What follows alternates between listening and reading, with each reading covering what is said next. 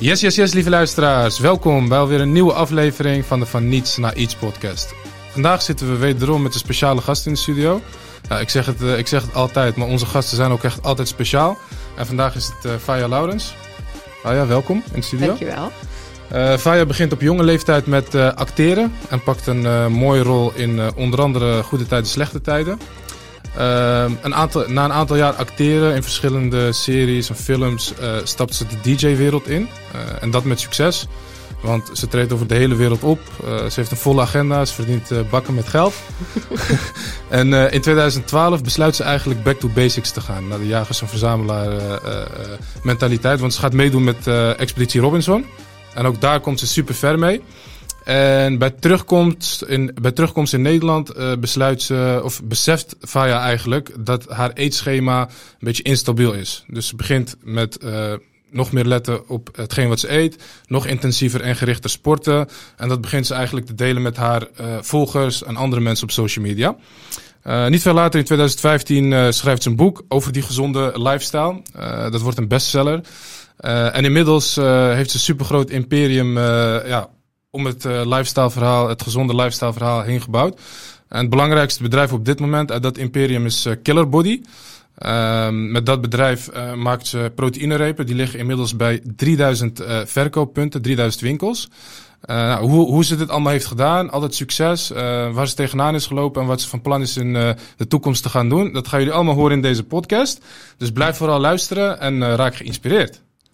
Faya, welkom in de studio. Dankjewel voor je introductie. Is er nog wat over voor het gesprek? Of Tuurlijk, ja. heb ik zeker. alles al uh, benoemd? Nee, nee, nee. Nee, zeker niet. Sowieso ja? niet de weg, de weg erheen. Ja, ja. dus dit is eigenlijk zo'n uh, zo'n uh, zo'n zo'n samenvatting die de luie studenten gebruiken om zo'n boekverslag te maken.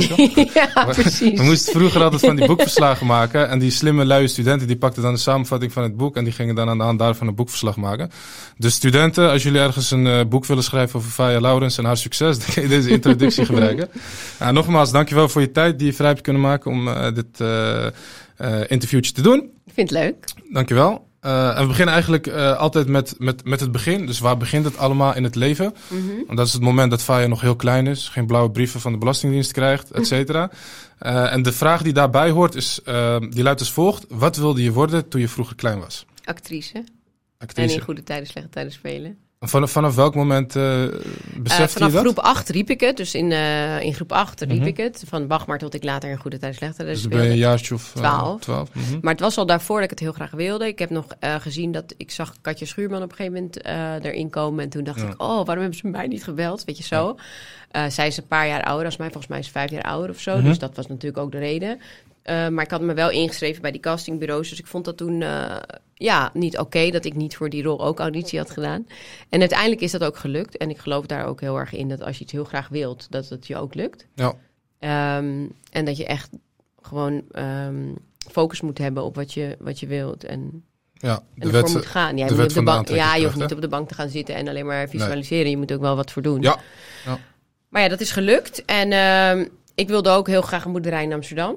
Mm -hmm. Ik kom uit Amsterdam. En dat wilde je op uh, die hele jonge leeftijd? Ja, ik wilde, wist al heel, heel jong dat ik een boerderij wilde met paarden. Kijk. Ik was paardenmeisje en uh, dieren, ja. um, gek op dieren. En uh, ik ging in vakanties altijd naar Tineke en Eelco. Dat zijn een soort pleegouders van mij geworden. Mm -hmm. Die hadden nou ook paarden. Die waren ja. wel de leeftijd van mijn moeder, maar dat waren dan niet mijn ouders. Ja. Maar haar dochter vond de paarden niet zo leuk. En ik vond het wel leuk, dus ik werd een beetje zo haar bonusdochter. Ja. En dan ging ik iedere vakantie ging daarheen. En dan zei ik altijd tegen hun, ja, laten we, wil ik een boerderij in Amsterdam. En dan zeiden ze altijd, dat bestaat niet. En toevallig waren ze er dus bij mij uh, vier weken geleden. Tineke was al wel een keer geweest, maar Eelco nog niet. En die zei, wauw, je hebt het echt gedaan, die boerderij in Amsterdam. Zei ik, ik zei het toch? Ja, dus eigenlijk gewoon alles wat ik als kind droomde, dat heb ik wel gerealiseerd. Ja, je hebt het gevisualiseerd. En dan... Ja. Maar hoe, hoe ga je daar dan mee om? Dus je, je, je bedenkt, of tenminste je visualiseert... of je hebt zoiets van, oké, okay, ik wil graag actrice ik worden. Ik ben een dromer, dus ik, Ja. ik kon vroeger als kind het echt voor me zien. Ja. Dus ik, ik heb echt uren... Mijn moeder zei altijd, ga bidden tot God uh, wat je wilt. Mhm. Uh, later dacht ik, ik weet niet of God bestaat, maar ik geloof dat het universum je uh, wel bestaat en dat Ja. er wel een soort van uh, wet is, een universele wet die, Mhm. die naar je luistert. En of, eh, of het nou, ik geloof wel in God, maar ik geloof niet dat God een menspersoon is, laat ik het zo zeggen. Dus voor mij Ja. is het goddelijke een energie en die zorgt dat wat goed doet, goed ontmoet en dat soort dingen, weet je wel. Maar ik geloof niet dat er dan iemand zit van, nou jij hebt dit gedaan, dus jij krijgt straf. Zo denk ik niet dat het werkt. Want hoe zag je er dan uit in het dinosaurus-tijdperk? Weet je, als een dinosaurus. En uh, toen er nog helemaal geen mensen bestonden. Ja, ja.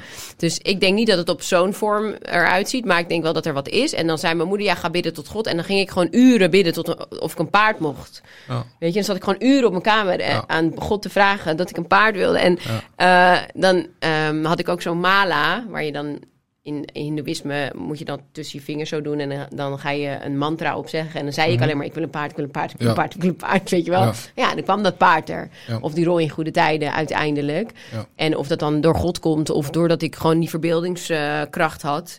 Ik zat daar gewoon en ik zag het ook voor me. Hè. Dus ik, ik rook dat paard. Ik was hem aan het borstelen. En ook die rol in goede tijden. Ik voelde dat ik daarin speelde. Dus ja, ik zag dat gewoon helemaal voor me. En ook die boerderij heb ik voor me gezien. Leuk.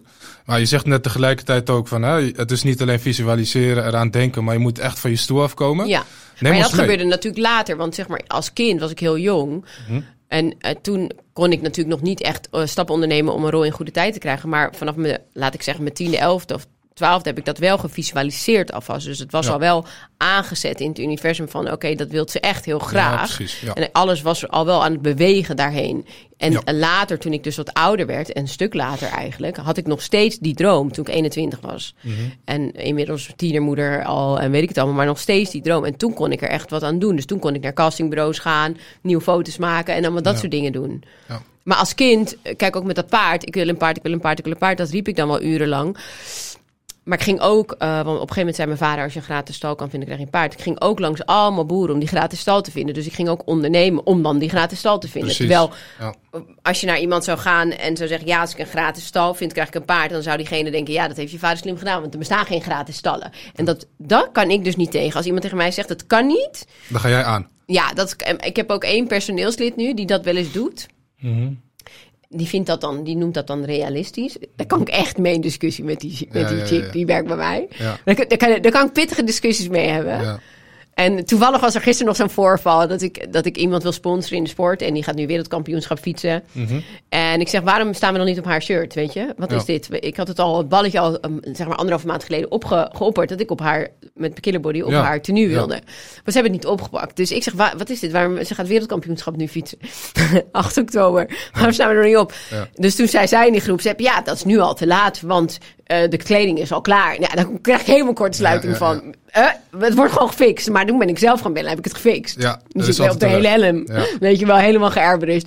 Dus je kan altijd alles nog fixen. Maar soms moet je het wel zelf doen. Ja, soms Helemaal als je ook mensen hebt die denken van... nee, dat lukt toch niet. Of dat kan niet. Of het, eh, eigenlijk in principe in mijn bedrijf zie je heel erg de DNA van mij. Dus je ziet heel erg dat iedereen denkt zoals ik. Op die ene persoon na. Zij is ook wat ouder en zij komt uit een ander bedrijfsleven. Ja. En die is dan meer... En dan denk ik, oh, wat, wat jammer eigenlijk dat je zo denkt. Voor Ja. jou ook. Ah, misschien heeft het ook even wat tijd nodig Ja, ja, om het te adopteren. Want op een gegeven moment word je zoals de mensen om je heen. Ja. En dan wordt ze ook zo'n ac- actiegerichte persoon zoals jij. Ja, maar het is wel zo, zie je dan wel, als iemand dan 40 is, Mhm. want ze is 40, of ze wordt nu 40 deze week. Ja. Eh, da- en je hebt je hele leven, ben jij op die manier opgevoed door die ouders. Ja. Die, zij doen maar normaal, dan doe je al gek genoeg. Nee, Ja. je moet een studie doen en anders eh, kan je niet verdienen. En Ja. eh, zekerheid, want je ben- werkt voor baas, zij werkt ook voor een baas, dus je houdt van zekerheid. Dat er voor die mensen wel iets ingewikkelder is om zo te denken zoals ik. Ja, die zijn helemaal geprogrammeerd, hebben een bepaald beperkt referentiekader. Ja. En, ja. Terwijl Dat jij zijn dus ook geen ondernemers, want Nee. daarom ze werken ook voor een baas. Ja, ja, ja. Kan ik me voorstellen inderdaad. Maar goed, dat, eh, ja, dat, ook die zijn denk ik op een of andere manier te programmeren. De, de, de, je- jongere mensen, onder de 20, laten we zeggen vooral onder de 15, die zijn nog heel erg kneedbaar. En onder de 10 helemaal. Die adapteren heel snel, et cetera. Ja. En als je inderdaad wat ouder wordt en op een bepaalde manier opgroeit, dan wordt het steeds moeilijker. ja. Maar ik, eh, ik Maar ben je ziet wel gewoon, eh, zeg maar, mijn eh, manager die bij mij werkt, die manager is, die is 26, die is bij Ja. mij begonnen als stagiaire. Die heeft helemaal mijn DNA. Vet, ja. Die is gewoon begonnen van onder. Die weet gewoon, die zal nooit zeggen lukt niet. Nee. Die zegt dat alles mogelijk is. Ja, maar die dan zie je, die is bij mij ja, opgegroeid. Precies. Snap je? Ja, ja, ja. Die gelooft het ook echt. Die Ja. heeft het gezien. Ik kan me voorstellen dat je misschien in het begin denkt van ja, het is niet realistisch. Maar als je dan elke keer ziet dat de dingen die Het niet lukt. realistisch zijn, Wel lukken. lukken. Of misschien voor de helft lukken, maar het is wel gelukt op een of andere manier. Dan ga je er toch in geloven dat altijd alles mogelijk is als je maar Ja. wil. En als je inderdaad wat doet. En als we dan een beetje terugspoelen, dan ga je dus, eh, je visualiseert, ik wil graag in goede tijd, slechte tijd, heel specifiek, heel belangrijk natuurlijk. Ehm, neem ons mee, want je, wordt, je zegt je wordt op een gegeven moment 20, 21 en dan ga je proactief, kom je van die stoel af, ga je naar castingsbureaus, et cetera. Ja, ik was eigenlijk. ehm, eh, ook al daarmee bezig voordat ik moeder werd. Dus ook al op mijn 17e, 18e of 16, 17, 18 heeft mijn moeder me meegenomen. Maar werden we vaak opgelicht. Dat waren dan van die cast- castingbureaus. Moest je 350 gulden inschrijfgeld betalen. Dan moest je de zogenaamde professionele foto's maken. Dat was gewoon voor die model. Al die meisjes Ja, in de rij. Dat wordt allemaal eh, beroemd. Dus het was wel heel lief van mijn moeder. En dan nam ze me wel mee. We hadden niet veel geld. Maar dat ging er dan toch aan op, weet je wel. Ja. Dus ze, ze, ze wilde wel mij echt helpen ook. Ehm, eh, en dan, toen werd ik moeder op mijn eh, achttiende. Nou, toen heb ik me daar eerst heel eventjes aan gewijd. En toen, eh, toen zij, denk ik, zeven maanden was of zo... en de borstvoeding voorbij was, dacht ik... ja, ik wil toch echt gewoon actrice worden. Punt, uit, ja. klaar, punt, uit. Dus toen ben ik naar castingbureau gegaan... eh, wat altijd de casting doet voor Goede Tijden, of deed. En had ik haar meegenomen, Irem, mijn dochter.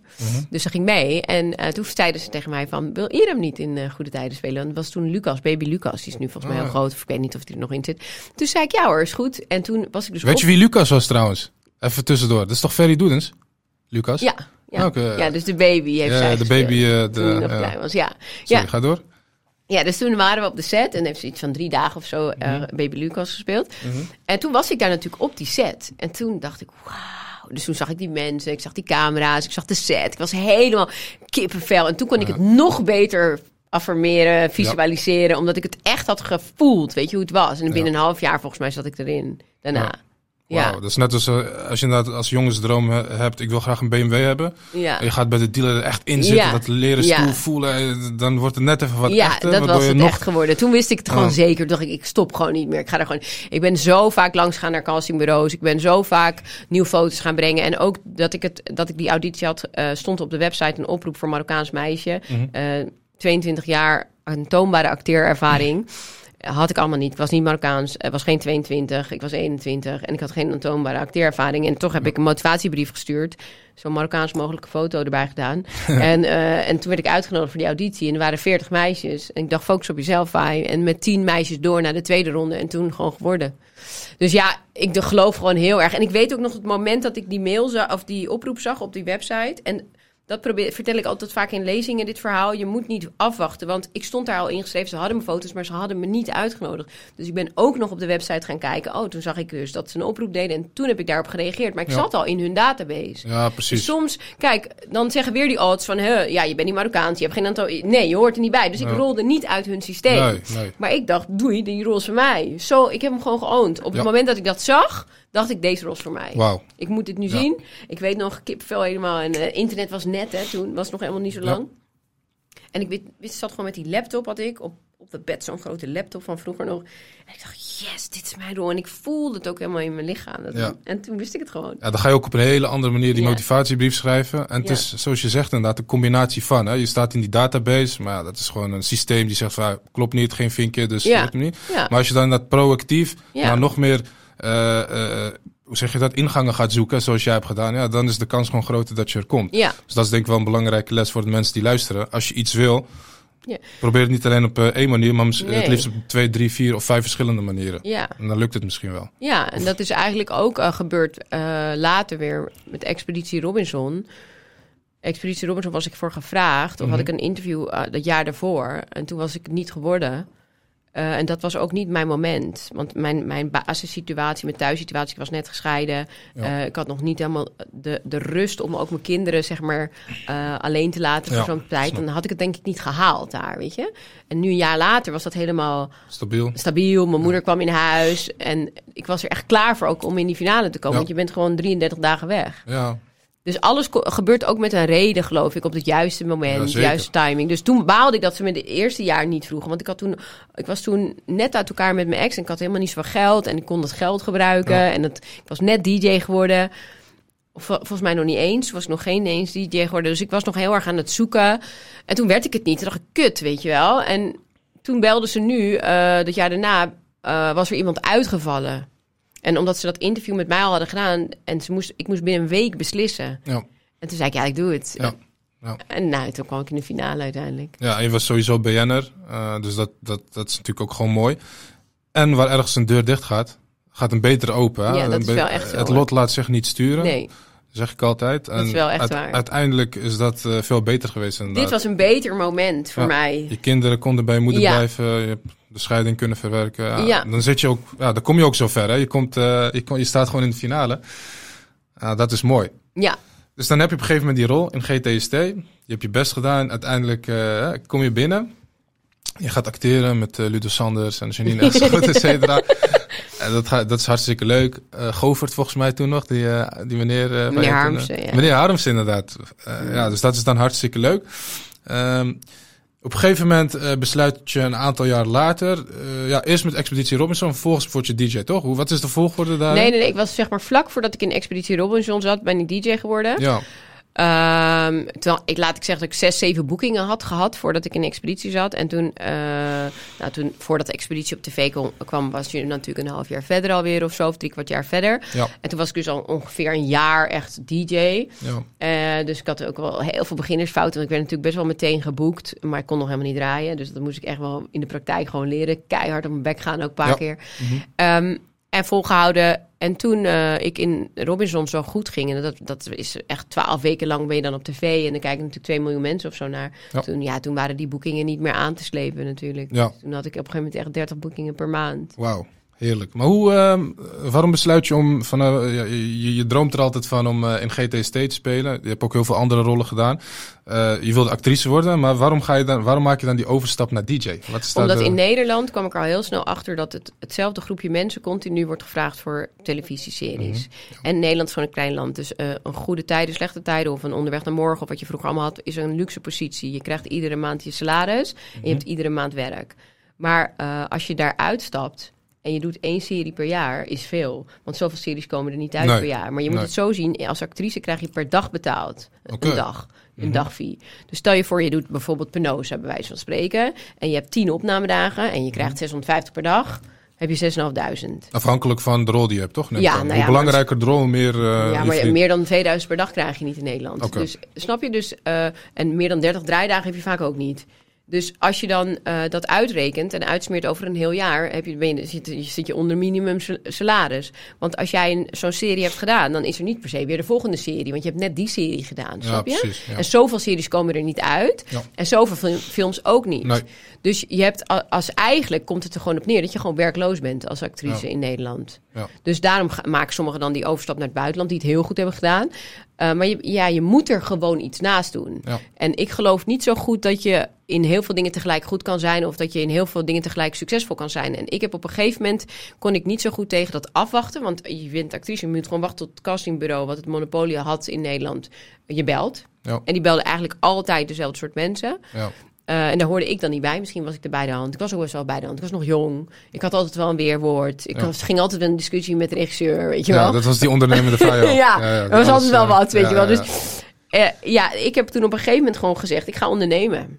En heel veel dingen geprobeerd. Spreten, cabines, hotel. Heel veel dingen mislukt ook. Ja.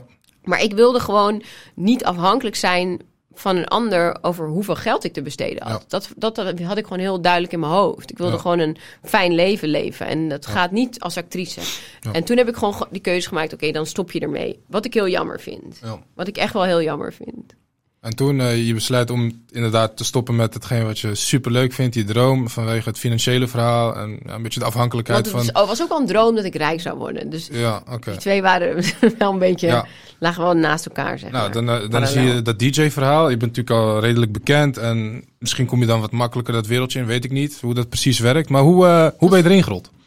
Nou, het was eigenlijk een grap van iemand. Dus het was niet de bedoeling dat ik nou DJ ging worden. Een vriend van mij die vroeg mij: Wil je draaien op mijn verjaardag? Mhm. Ga mijn birthday geven. En Ja.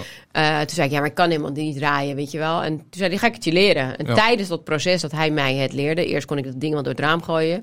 Maar toen ik het eenmaal door had, toen dacht ik: Wow, dit is leuk. En toen ging ik het met plezier doen. Ja. En eh, ja, toen ging ik daar volgens mij over delen. Volgens mij was toen nog Facebook. Ik weet niet of toen Instagram al bestond. Ja, volgens mij net of zo. Ik weet het niet meer. Maar in ieder geval ging ik erover delen. En toen eh, stond het opeens in, in de nieuws. En toen kreeg ik gewoon boekingen. Ja.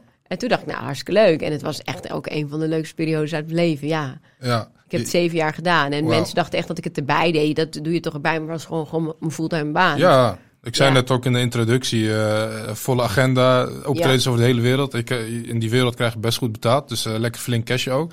Ja, nou op een gegeven moment was het heel goed. Maar in het begin was het niet zo heel goed. Maar Nee, op een gegeven moment na Robinson was het goed. En Ja. zoveel boekingen doe je gewoon per maand. Dus Ja, ja, het was chill. superleuk. En de Ja. zomertour, Leuk. vier keer gedaan. En dan ga je, wel heel vermoeiend ook. Op een gegeven moment was ik er ook wel een beetje klaar mee. Maar dat kwam meer omdat mijn bedrijf zo groot werd. Ja. En, en het, is een, het is een beroep waarbij je jezelf inzet. Dus je Ja. eigen uren. Het is minder passief, net zoals Ja. wat je nu met Killer Body doet. Dat eigenlijk die winkels het werk voor jou doen. En jij alleen moet zorgen dat je product daar ligt. Ja. Ben je daar heel veel van je eigen tijd eh, erin aan het steken. En op een gegeven moment houdt je uurloon, of hetgeen wat je voor een boeking kan vragen, houdt ook op een gegeven moment op. Dan ga je die afweging maken van is het de moeite wel waard. Maar je had het net ook over, ehm, ik heb heel veel fouten gemaakt. Ik denk dat het wel leuk is voor onze gasten. eh, om eens te horen, wat is nou de grootste fout die je hebt gemaakt toen je DJ werd? En wat heb je Oh daarvan ja, geleerd? dat zijn gewoon, dat zijn gewoon DJ-fouten. Dat zijn gewoon eh mixfouten. Dat is natuurlijk in het begin als je het gewoon nog niet kan en denkt dat je het kan. Mhm. Maar dan, dan had ik dan zo'n eh, setje voorbereid met platen.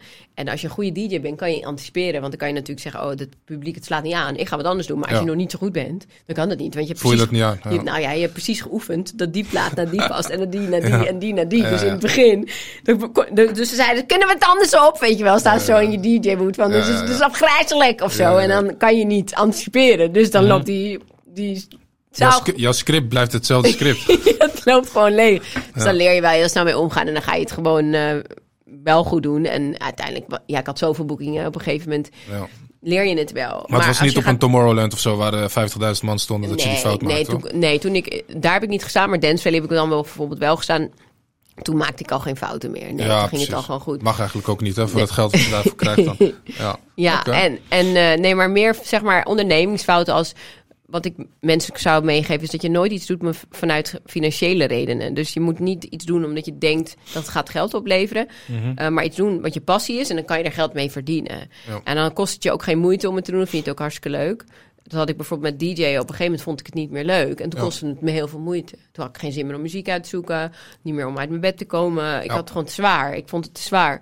En eh, met ondernemen heb ik veel dingen geprobeerd. En ook impulsief. Heel veel lesgeld betaald. Kinderkledingwinkel. Ja, een vriendin van mij werkte in een kinderkledingwinkel. En die had een keer de omzet verteld. Was totaal niet relevant voor wat ik ging doen. Want ik ging op een hele andere locatie zitten met hele andere merken en zo. En toen dacht ik, oh, daar word je rijk van. Ga ik doen. ja, Weet je, dus dat soort dingen zijn gewoon dom. Je Ja. moet gewoon doen wat je leuk vindt. Stond ik daar in die kledingwinkel. Dacht ik, is dit nu mijn leven? Moet ik nu de hele dag in een kledingwinkel staan? ja. Oh my god, ik wil hier niet meer staan. Ik wil weg, weet je wel. Mooi Die weer. projecten Want ja, sta je daar in een winkel. In een winkel, heel de dag. ja, Nee, dat was niks voor mij. Ik ben een bezige bij. ja.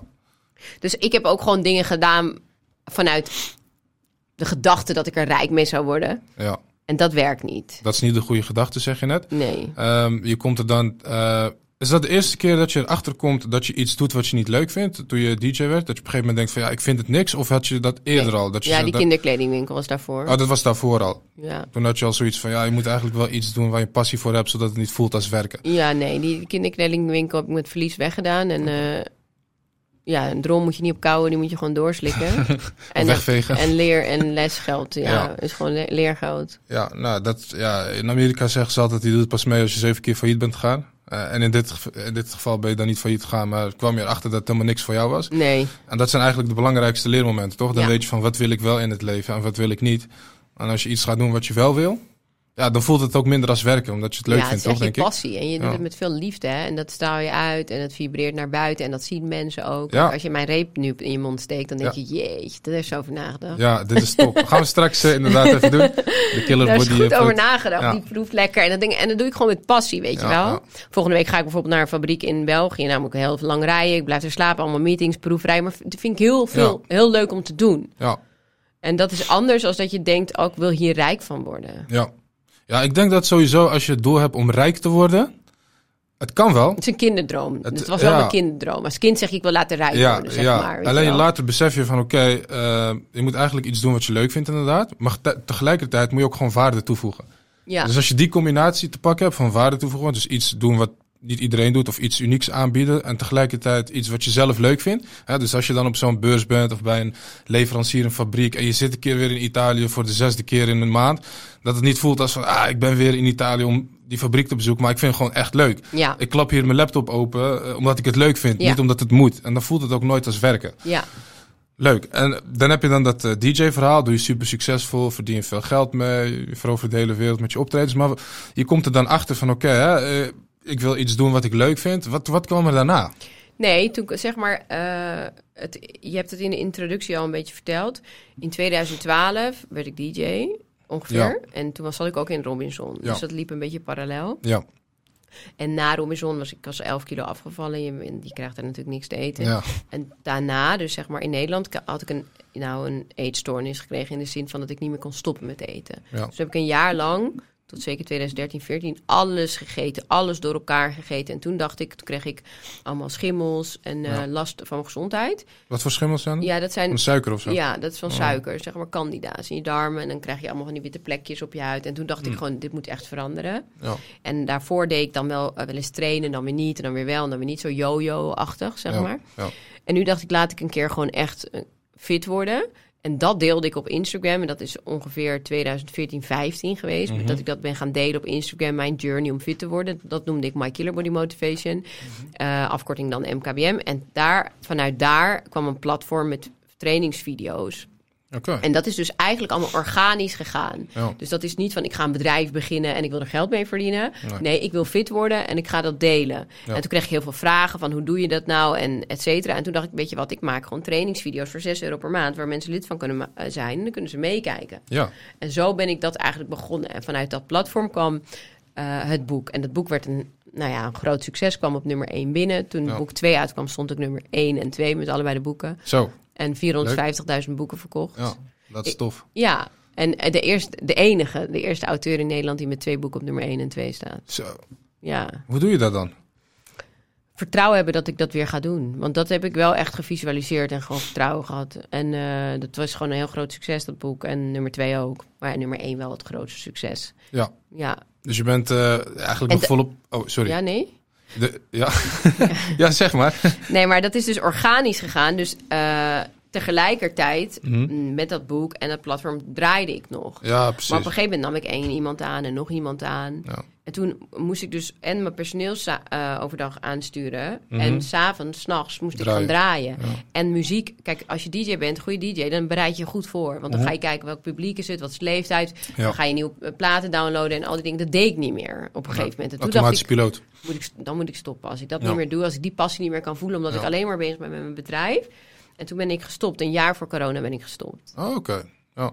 En had je bij, eh, bij hetgeen wat dan parallel liep met hetgeen wat je dan deed als DJ, bij dat project, dat je daar wel het idee van, nou, dit is wel echt iets wat ik veel leuker vind dan wat ik nu Ja. doe en waar ik mijn passie in kwijt kan? Ja, MKB, My Killer Body Motivation. Ja, Dat vond je wel echt leuk. Ja, vond ik echt heel leuk. Ja. En ook met name natuurlijk toen dat boek eh, zo binnenkwam op nummer 1 en zoveel mensen ermee aan het afvallen waren. Want twaalf weken later was iedereen afgevallen. Zo. Dus ze zijn echt dat twaalf weken dieet gaan doen. Mhm. En daarna zoveel afgevallen. Ja, want, hoe, eh, want je, je hebt het over een platform Ja. waar je video's op deelde, waar mensen dan 6 euro voor moeten betalen. Superleuk project, maar hoe, eh, hoe gaat het? Was het meteen succesvol of, eh, Ehm, of nou ja, niet? Of- nee, kijk, ik had niet zoveel geld toen ik dat eh, startte. En ik had dus ook niet zoveel geld om een website te bouwen. Dus toen ben ik naar Fit for Free gegaan. Mhm. En toen heb ik aan hun gevraagd of hun dat met mij wilden doen. En toen hebben ze me best wel lang aan het lijntje gehouden. Want ze zeiden dat ze dat dus wilden. En dat zij zouden dan investeren in de website en platform. Ja. En ik zou dan de marketing doen en zou het 50-50 zijn. Ja. En ik was al bezig met een lancering. eh, regelen. Ik was natuurlijk op dat moment DJ. Dus ik had Club Ape in Amsterdam geregeld. en Allemaal, eh, nou, eh, ja, ik had eh, gezonde maaltijden gesponsord. Ik had het helemaal goed gedaan. En toen zeiden hun eigenlijk, ze hadden ook al zo, zo'n opzet laten zien van de website, hoe die eruit kwam zien. Te zien, ik had ehm, geregeld dat ik ergens trainingsvideo's kon opnemen. En toen zeiden ze eigenlijk gewoon iets van anderhalve maand van tevoren af. Zeiden ze, ja, we denken toch niet dat mensen 6 euro per maand gaan betalen voor video's voor, van jou. En eh, kijk, dan kan je dus denken van, oké, dan stop ik ermee, want zij zal- zullen het wel weten. Want ze hadden zelf op dat moment ook een beetje moeite met abonnees en zo. En, en dat was dan een sportschool, dus wie zegt dat ze het voor de video's wel gaan doen? Zo'n Ja. verhaal, weet je wel. Mhm. Oké, toen moest ik even goed nadenken wat ik ging doen. Toen ging ik zelf allemaal offertes opvragen bij eh, websitebouwers. Nou, dat Ja. was de duurste 50.000. Dus je moet het zo zien, hè? je doet een briefing eruit naar tien verschillende websitebouwers. Ja. Allemaal dezelfde briefing. En de duurste was 50.000 en de goedkoopste 5.000. Wat een verschil, hè? Ja, toen ben ik voor die van 5.000 gegaan. Mhm. Ja, want je had niet heel veel geld. Dus, nee, maar eh, het was ook niet een hele goede website. Maar maakt niet uit, we Het stonden. begin stond er. Ja. En ik had binnen no time 12.000 eh, abonnees. Kijk, Ja. zo zie je maar weer, hè, waar we het Ja. net ook over hadden. Waar ergens een deur dicht gaat, gaat er ergens anders En ik weer was een deur blij dat ik het alleen deed. Ja, wauw. Alleen eh, later heb ik wel een domme, eh, een domme beslissing gemaakt met het boek. Eh, mijn uitgever zei, zullen we wat weggeven bij het boek? Mhm. Eh, dat was dan een foutje in het ondernemen. En toen heb ik gezegd, is goed, dan kunnen we die abonnementen weggeven. Maar omdat dat een beetje moeilijk was, omdat het maandabonnement waren... heb ik er een jaarabonnement van gemaakt. Ja, Eh, 49,95. ja. En toen heb ik dus bij de... Als je mijn boek pre-orderde, kon je een abonne- abonnement gratis krijgen. Toen hebben we al mijn leden opgezet. Gezegd. En allemaal het boek oh, die normaal besteld. gesproken 120 euro per jaar betalen, die Hebben allemaal boek opgezet. besteld. En, En ah, ja, dus ik was heel ja. bijna al mijn leden kwijt. Maar je had wel een bestseller. Ja, dat wel, maar ja, daar verdien je iets minder aan. Ja, maar toch, dat helpt dan wel weer volgens mij. Ja, als je, als je ja, een bestseller uiteindelijk heeft het allemaal met elkaar wel weer geholpen. Om een bed- waar mijn bedrijf nu natuurlijk is, weet je wel. Alleen, dat was niet zo'n hele slimme beslissing. Het was geen bewuste marketingpot eh, die je ingezet hebt, zeg maar. nee, het was eh, niet zo goed over nagedacht. Aan de ene kant, maar aan de andere kant, ja, ja stond ik op nummer één. En, eh, Vet. Ja. Wat heb je dat boek, eh, dat heb je bij een uitgever eh, laten doen, hè? ja, Ja. ja. Ging dat een beetje naar wens? Ja. Was dat allemaal leuk? ja, ik ben zelf heel hartstikke dyslectisch. Mhm. Dus ik, ehm, en ik heb eigenlijk gewoon niet op school gezeten. Dus ik, zeg maar punten, inter, interpunctie, dat, eh, Ja. Mhm. dat ben ik niet zo heel sterk in. Comma's, eh, hoofdletters. Hoeft ook niet. Nee, dus ik, eh, als je mijn stukken tekst krijgt, krijgt dan heb je zo'n eh, algebra voor je neus. Zonder punten en komma's. Ja, dus dan had ik zeg maar een, en niet een ghostwriter, want haar naam staat gewoon in het boek. Maar eh, zij ging dan mijn eh, teksten re- redigeren, zeg maar. Mhm. En daarnaast ehm, had ik dan wetenschappelijke onderzoeken. Bijvoorbeeld Ja. over wat een koolhydraat doet met je lichaam. Of wat suiker met je lichaam doet. Of wat een eiwit met je lichaam doet. Mhm. En die heeft zij dan in Jip en Janneke taal vertaald. Zodat Ja. het voor iedereen eh, Goed leesbaar ja, was. toegankelijk was. Ja, leuk. En dan heb je op een gegeven moment het boek, dat breng je uit. Je hebt een bestseller. Dat platform wordt steeds groter en groter. Je gaat waarschijnlijk van een website 1.0 naar een wat grotere website. Ja, een et betere website. Ja, en vervolgens ontstaat er eh, een mooi bedrijf omheen. Wat was het eerste product? ehm, nou, misschien niet per se product, maar wat was het eerste wat je echt buiten die abonnementen om bent gaan verkopen? Cellulite cups. En wat, wa- dat zijn. Dat zijn Cups? cups, die je op je lichaam, eh, zeg maar een soort vacuüm zuigt. Mhm, Je drukt mhm. ze zo in. Ja. Je had toch vroeger van die dingetjes die je op de tafel kon doen en dan sprongen ze weer Ja, omhoog. ja. Ik weet even niet meer, die dan... ja, van die plopdingen. ja, van die inderdaad. klopping. Ja, Nou, ja, dat eigenlijk. Je drukt het op ja. En dan ga je heen en weer met olie. Oh. En dan is er een soort bindweefselmassage. En dan Oh, worden je benen gladder. Dus als je dan last hebt van een sinaasappelhuid, zeg maar, dan wordt het gladder. En dat was mijn allereerste product. En hoe ging dat? Heel goed. Daar heb ik echt heel veel van verkocht. En toen dacht je van wauw. Toen dacht ik, oh, dit is makkelijk. Een webshop moet ik beginnen, weet je wel. Dat was eigenlijk mijn eerste product. En ehm, dat, eh, dat heb ja, tot nu, maar ik heb wel echt al heel veel cellulite cup, cups verkocht. Maar is dat denk ik mijn nummer één product wel geweest. Mhm. En eh, toen kwam ik eh Barry de Meij tegen, een bodybuilder. En eh, ik wilde heel graag proteïnelijn beginnen. Dus. Ja, want dat was eigenlijk zo gegaan. Ik had zeg maar dat dieet gemaakt in het boek. En dan zei ik tegen iedereen... in de avond mag je een caseïne shake. Dat is een langzaam eiwit, melkeiwit. Ja. Eh, toen had ik dus 800 mailtjes op de dag nadat mijn boek uitkwam... van wat is een caseïne shake. Toen dacht ik, kut, ik heb geen caseïne shake. Dat had ik moeten hebben, weet je wel. Ja, ja, ja. Ik ben nu iemand anders rijk aan het maken. Dus ik. Body en Fit mailen van... eh, wil je een deal met ons doen, met me doen in het boek? Maar dat wouden ze niet. Want ik wou een kickback met een kortingscode of iets voor de volgende druk. Precies. Maar dat wouden ze niet. Dus toen heb ik mijn eigen proteïnelijn eh, gestart. En dat was Kijk. ook wel weer een mooi begin natuurlijk. En eh, daar heb ik toen in het begin eerst vier jaar met Berry de Meij gedaan. En daarna Mhm. ben ik helemaal voor mezelf begonnen. Dus nu is alles voor mij. Oké. Dus dan, zi- dan zie je, zo zie je maar, je doet iets. Vervolgens kom je eigenlijk achter dat je iets kan verkopen wat je nog niet verkoopt. En daar ontstaat dan die hele proteïnelijn. Is dat Ja. dan ook de killer bodylijn? Of is, dat staat nou, het weer kijk, los dat, van is- dat killer is nu dus een beetje verwarrend. Eh, eh, die proteïnelijn eh, heet...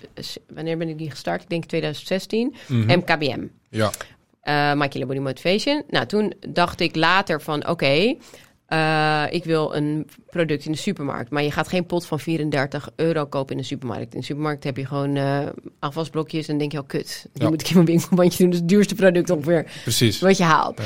Dus ik dacht, ik moet iets toegankelijks hebben in de supermarkt... wat iedereen kan nemen, maar wat wel, waar ik wel achter sta. En Ja. nou, toen dacht ik een proteïnereep. Een lekkere chocolade proteïnereep. Want in de supermarkt komen we altijd natuurlijk. Iedereen komt altijd in de supermarkt. Heel vaak inderdaad. Ja, en eh, toen dacht ik, ik kan het wel MKBM noemen, maar misschien is MKBM nog niet groot groot genoeg voor de supermarkt, dacht ik. Toen. En het is een afkorting. Ja, dus toen dacht ik Killerbody, door het boek, had 450.000 boeken verkocht. Oh, dat, dat boek heet ook Killer Body. Ja, Killerbody Dieet. Dat Ja. had ik geowned, die naam had ik geowned. Dus ik Ja. dacht, eigenlijk moet het product Killerbody heten, Killerbody Snack. De naam had je toch al. Tenminste, mensen... Ja, min- mensen refereerden het af, eh, connecten het al met mij, zeg Vet, maar.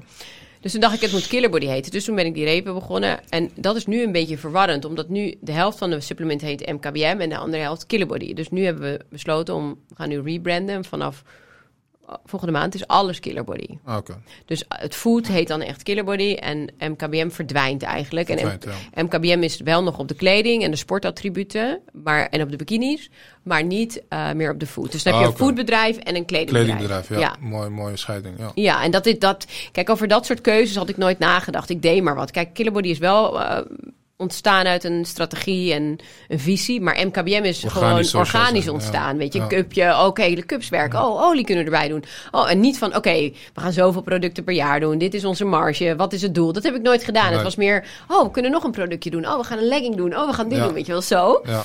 En Killerbody zie je ook gewoon meteen, zie je ook aan de omzet. Kijk, MKBM duurde veel langer. Nu dubbelen we al in een jaar, zeg maar.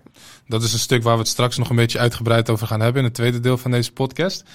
Ehm, want eh, deze podcast eh, bestaat onder andere uit een, eh, uit een snelle rubriek. En in die, die snelle rubriek bestaat uit een aantal vragen. Die ga ik jou stellen. Daar mag je kort antwoord op geven. Dus als je er klaar voor bent, beste Faya, ga ik jou zo meteen die vragen stellen. Oké. Nog even trommelgrof. Komt ie, de eerste vraag. Wat wilde je worden toen je klein was? Actrice. Ja, die heb ik eigenlijk. ik weet niet waarom die hier op het blaadje staat, maar die er eigenlijk niet thuis. Excuses. Nee, niet. Misschien kunnen we dat eruit knippen. Eh, wanneer ben je begonnen met ondernemen? Nee, wacht even. Ik zie dat ik het helemaal verkeerd doe. Excuses. De snelle rubriek. Ik, ik, ben, de, ik ben verkeerde vragen aan het oplezen. Maar we, we laten het er gewoon in, Koen-. Want het is een eh, podcast en dat is lekker rauw. En dan mag je gewoon lekker fout inmaken. het is geen één vandaag hier. Nee. Ik zie dat ik de vragen eh, oplees die niet bij de snelle rubriek horen. Dus Mhm. excuses beste luisteraars en excuses Faya. En nu ga ik de vragen oplezen die bij de snelle rubriek horen. Kom de eerste vraag. In welk ander land zou je willen ondernemen? Eh, als eerste in Duitsland nu. Oké. Eh, met welke ondernemer zou je graag een kop koffie willen drinken? Ehm, ik heb het geprobeerd. Ik ben even zijn naam kwijt. Die van ehm, Rituals. Mm, ja, ik weet wie je bedoelt. Ik heb hem Ja. geprobeerd te stalken op, eh, in, op LinkedIn, maar ik heb, geen, ik heb geen reactie gehad. Hoe hij dat heeft gedaan vind ik heel knap. Maar jij ligt toch bij de Jumbo? Ja. Met jouw repen? Volgens mij ehm, is zijn vrouw of vriendin eh, directrice bij de Jumbo. Oh ja. Dus misschien kun je zo die- nog een keer Ja, ja, dus misschien. eh, ik weet Ja. niet, ja, dat is volgens mij een Hij vrouw die. natuurlijk heel veel berichten. Maar kijk, hij, wat hij heeft gedaan is, vind ik gewoon mooi. Hij komt van Unilever vandaan. heeft Ja. echt een heel sterk brand neergezet. Is begonnen ergens in een, in een, in een kantoortje met een paar IKEA-kasten, las ik ergens. En Ja. als je ziet hoe dat er nu staat, vind ik gewoon super knap. Ja. En daarnaast heb ik ook een ambitie om mijn bedrijf uiteindelijk te verkopen aan zo'n partij als misschien wel Unilever. Ja. En zou ik gewoon ook weten waar we willen weten van, van zo iemand. Waar, kijkt, waar kijken Ja. ze dan naar? Waar letten ze dan op? En, eh, Slim. ja. Unilever heeft op een gegeven moment bij de start hebben ze heel veel geld eh, gestopt in dat bedrijf. Hè. Dus hij had dat idee. Eh, dat idee heeft hij gepitcht inderdaad bij zijn oud werkgever. Of volgens mij werkte hij daar nog. En Unilever heeft toen heel veel geld in, eh, in dat project gestopt. Nou, die aandelen zijn nu heel veel geld waard. Maar ik kan me voorstellen dat dat eh, een, een leuk gesprek kan worden. Waarbij je zegt van ja, daar wil ik ook Maar naartoe hoe heet hij nou ook weer? Nu Ja, ik, ja, misschien kan Koen dat even dat is een googlen. beetje suf. Ja, Maar hele bekende naam. Eh, ja, ik ben, Koen ik dat ben zegt, het, dan... ik ben het weer even kwijt. ja. Laatste vraag van de snelle rubriek. Welke andere industrie zou je op dit moment aan willen pakken als je daar de tijd voor zou hebben? Kind, de scholen, Scholen. ja, opleidingen. Ja, dus echt, Echt eh, educatie. Ja, dat gaat echt nergens over, vind Ja. ik. Ben ik met je eens. Koen? Ja, Oh ja, Ja. Raymond Kloosterman. Ja, Raymond ja, ja. Kloosterman. ja. Nou, als je luistert, Raymond, dan eh, zou ik zeggen eh, snel even een kop koffie drinken met Faya. Zodat jullie een leuk gesprek kunnen hebben. Educatie. Waarom zou je die industrie graag aan willen pakken? Ik vind het echt heel erg achterhaald hoe kinderen les krijgen op school. Ja. Kijk, ze worden sowieso eh, afgerekend op waar ze niet goed in zijn, in plaats van gemotiveerd in waar ze wel goed in zijn. Dus je niveau wordt bekeken op hetgeen waar je niet goed in bent. Dus voorbeeld te geven, je kind is heel goed in wiskunde, maar heel slecht in taal. Ja. Met taal komt hij niet mee, dan krijgt, krijgt hij het hele niveau van waar hij in taal mee is, terwijl ze- zijn wiskunde misschien VWO-niveau is. Dus je wordt dan niet gestimuleerd om waar je goed in bent nog beter te ontwikkelen. Want daar ga je dus in sl- slapen, want je wordt daar niet in gestimuleerd. Dat je onder je niveau les krijgt. Dat vind ik een hele vervelende eh, iets. Ik snap het gewoon niet. En eh, ja, je- de tijd is gewoon heel erg veranderd, snap je? We Ja. leven in een heel ander tijdperk. Staardeling en allemaal die, die dingen die ze op de basisschool leer gewoon. Eh, Je hebt er niks aan, ja. Nee, maar ook een beetje hoe je rust in je hoofd krijgt. En Ja. hoe je jezelf niet met anderen vergelijkt. En Ja. hoe je gelooft in je dromen. Precies. Weet je wel, gewoon levenslessen meer. Word je gelukkig? eh, Ja. Wat is een en gezond hoe ga je om met geld? Ja, ja. precies. dat soort dingen. En dat, dat Hoe word je onafhankelijk? Ja, dat mist he- helemaal gewoon. Ja, En dat vind ik zonde. ja snap ik. Dus daar zou ik echt wel... eh, ik heb wel eens gedacht, moet ik niet een politieke partij opstarten voor dat? Ja. Maar ik ga het niet doen. Ik ga me niet in die slang Je wordt gillend gek joh, daar in Den Haag. vinden. Ja, Omdat je moet... eh, je je moet- kan toch het ja. verschil niet maken. Die illusie Ja. ben ik eh, in ieder geval... En jij bent juist iemand die het verschil wil en kan maken. Ja. eh, ja, en maar daar niet je- daar. ja, Niet daar. Niet op dat niveau. Nee. Misschien als een keer het hele politieke systeem verandert. Dat meer eh, vanuit het ondernemende perspectief zeg maar, eh, ingestoken wordt. Dat je een soort van zakenkabinet hebt met allemaal ondernemers die het land leiden. Misschien dat je daar wel kans maakt. Ja, of misschien een private school beginnen gewoon. Ja, ja dat, dat, kan zou kunnen. dat zou kan, natuurlijk wel kunnen. Privé school met, eh, Ja. met andere soorten leermethodes. Ja. Ah, er wordt nu gewoon heel erg gekeken naar het gemiddelde. Weet je wel? Ja. Van oké, dit is het gemiddelde. Ja, dus we moeten Nederlands, wiskunde, kinderen in hokjes denken. Ja, ja, en je, daardoor word je heel erg beperkt inderdaad. Terwijl als je gaat focussen op inderdaad diegene die juist heel goed is in wiskunde. En diegene daarin laat accelereren. En ook nog eens leert hoe hij of zij gelukkig kan zijn. En dan heb je ook veel meer, minder depressieve jongeren. Jongeren die weten wat ze willen. Ja, maar ja, dan heb je natuurlijk straks minder schapen die allemaal doen wat je zegt. ja, ja, precies. Dus, maar ja, dus dat, ja, dat is een beetje jammer. Kijk, mijn zoon die, eh, is blij als hij volgend jaar zijn MAVO haalt. En ik, ik vind het prima. Hij had HAVO ook wel gekund.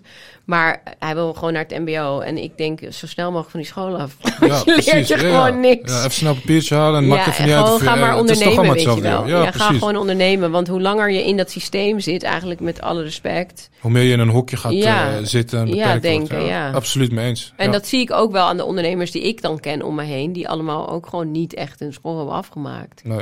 Nou, de bekende voorbeelden vanuit Amerika, Mark Zuckerberg, Steve Jobs, Elon Musk, ja, dat zijn Ja. allemaal drop-outs. Die Ja. uiteindelijk hebben gezegd van, Ja, toedels, ik kan wel hier eh, ja. mijn tijd eh, zitten verspillen. Maar ik denk dat het ook kan als je echt een concreet idee ook hebt. Hè? Dus ik raad niet iedereen aan om te stoppen met school en ergens heel dag op TikTok te zitten Nee, te dat scrollen. niet. Maar je moet kijk, wel dat echt is iets natuurlijk hebben. Waar, ook weer zoiets. Dat soort apps die verruineren gewoon wel onze, Ja. onze jeugd. heel veel tijd in beslag. Tijd in beslag, maar ook daardoor hebben ze ook een, hele korte spanningsboog. Ja. Want filmpje, filmpje, filmpje, filmpje. Actie, actie, actie. Dus, dus, Ja. dus je kunt geen concentratie meer houden, niet de focus meer hebben. Het moet allemaal snel, snel, snel. Ja. Als je ook in de bus en in de tram kijkt, er is geen contact meer. Eh, De jeugd kan niet meer bellen. Ja. Alleen maar tikken. Gek, ja. Weet je, ik weet nog bij ons vroeger dat de sms inkwam. Of dat ik een mobieltje had. Toen was ik eh 16 of zo, kreeg ik voor het eerst een mobieltje. Toen ging ik sms'en.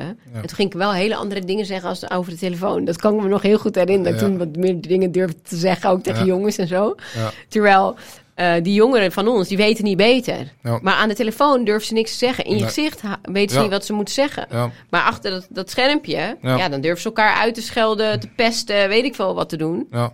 Weet je wel, dus het echte digitale- leven. ja, het, het is echte- alsof ze niet meer in het echte leven Ja, leven. en dat is gevaarlijk. Ja, Want eh, het draait juist om het echte leven. Alles is gewoon mensenwerk. Of het nou ondernemen is of contacten die je legt. Uiteindelijk heb je altijd te maken met mensen. ja, Als je te veel met systemen te maken gaat hebben, dat zag je met die eh, eh, zorgtoeslagcrisis, weet je wel, dan krijg je dat soort gezeik. Dus uiteindelijk zijn het altijd mensen die met elkaar praten. En als je inderdaad dat sociale aspect mist, omdat je de hele tijd aan het scrollen bent en niet meer real-time met mensen praat, ja.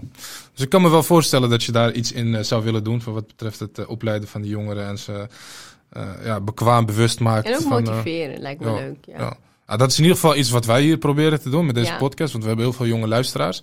Uh, je beste luisteraars, kijk niet te veel naar uh, mensen die op so- social media het eindresultaat laten zien. Dus die Lamborghini. Of, maar besef ook dat er heel veel stappen vooraf uh, gaan aan dat succes. Die Lamborghini of weet ik Dat veel, kan het je wel huis. motiveren, maar het is je moet- eindbestemming. wat je heel veel ziet is dat het juist jongeren demotiveert. Omdat Ja. ze denken, ik kan daar nooit komen. Ja, Snap je? Dus eh, laat het je motiveren en inspireren. Ja. En ga dan je eigen stappen zetten. precies. En wij proberen dan, dan aan bij te dragen van oké, welke stappen zijn er dan geweest? Uh, en raak daardoor geïnspireerd. Dus nogmaals, dankjewel dat je hier het verhaal uh, wilt delen. Ik denk dat het tijd wordt dat we naar het tweede deel gaan van deze podcast. Ik ga er even goed voor zitten, want uh, dit is het deel waar ik het meest naar uitgekeken heb. Oké. Okay. Want we hebben hier op, op de tafel hebben we hele lekkere repen liggen van Killer Body, de proteïne repen. Je weet nog niet of het lekker is. Ja, ik weet wel bijna zeker dat het lekker... Het ziet er in ieder geval heel lekker uit. En als ik eh, jouw passie moet geloven, et cetera, dan... eh, dus wat ik, wat ik ga doen, als het mag, ga ik er even één proeven. Ja? Zijn voor jou, ja. Koen, wil jij er ook een? Ja, wacht even. Oké. Ik ga meteen even eentje openen. Zo. Excuses luisteraars als ik te veel geluid maak. Maar ik moet even proeven om te weten... Heb je wel eens een proteïnereep gegeten eerder? Mm, nee, Nog nooit? Oh, dus je hebt geen vergelijkingsmateriaal. nee. Je vergelijkt het dan nu met chocola. Mhm. Met snicker en zo. Ja, oké, maar dat is, is natuurlijk niet helemaal de bedoeling. Want dan is hij wel een stuk... Ik moet eh, zeggen, Ja? hij wijkt niet veel af van een suikerbom à la snicker of eh, Nee, Mars. Het is echt een lekker ding. een, van een, hij lijkt een beetje op een lion. Juist, exactly. Een Ja. lion met van die uh, hazelnootstukjes en... Maar hij heeft maar 1,4 gram suiker. Oké, heel veel eiwitten denk ik, toch? Mm, dat- dat zijn die 13 proteïnes. gram. 13 gram. Ja, dus als je, als je lekker gesport hebt of je wil een snel tussendoortje... je Maar het is meer een ehm, functioneel snoepen. Ja, zonder dat je zorg hoeft te maken om eh, de calorieën. Want als je een snicker opeet, dan ben je volgens mij Nee. 200 calorieën verder of zo, toch? Of 300. Het gaat niet om calorieën, hè? Het gaat om suikers. Oké. Als je, hier zit 1,4 gram suiker in. Mhm. En in een snicker of in een lijn 14 gram. Oké. Dus tien keer zoveel eigenlijk. Ja. Mhm. Maar de calorieën zitten er niet wel in, want een eiwit heeft ook calorieën. Ja, Het gaat erom waar komen die calorieën vandaan. precies. Calorieën zelf zijn niet zo erg. Mhm. Uiteindelijk gaat het er ook om dat je een, eh, mm, niet een calorie... te- even, een- ja, hoe moet ik dat zeggen? Mm, Je moet de gaat- juiste calorieën ja, hebben. je moet de juiste calorieën hebben. Ja. En dat is het. Ja, en, en- met en- deze bar creëer je dat. Nou, je, ja, dan krijg je een verzadigd gevoel, want eiwit geeft je een verzadigd gevoel. Oké. Het is lekker, omdat het toch wat zoet is. Dus als Mhm. je zin hebt in zoetigheid, kan je beter voor dit gaan dan voor een... Pringles of zo onderweg eh, bij het tankstation. Ja, Of nou, een andere bar.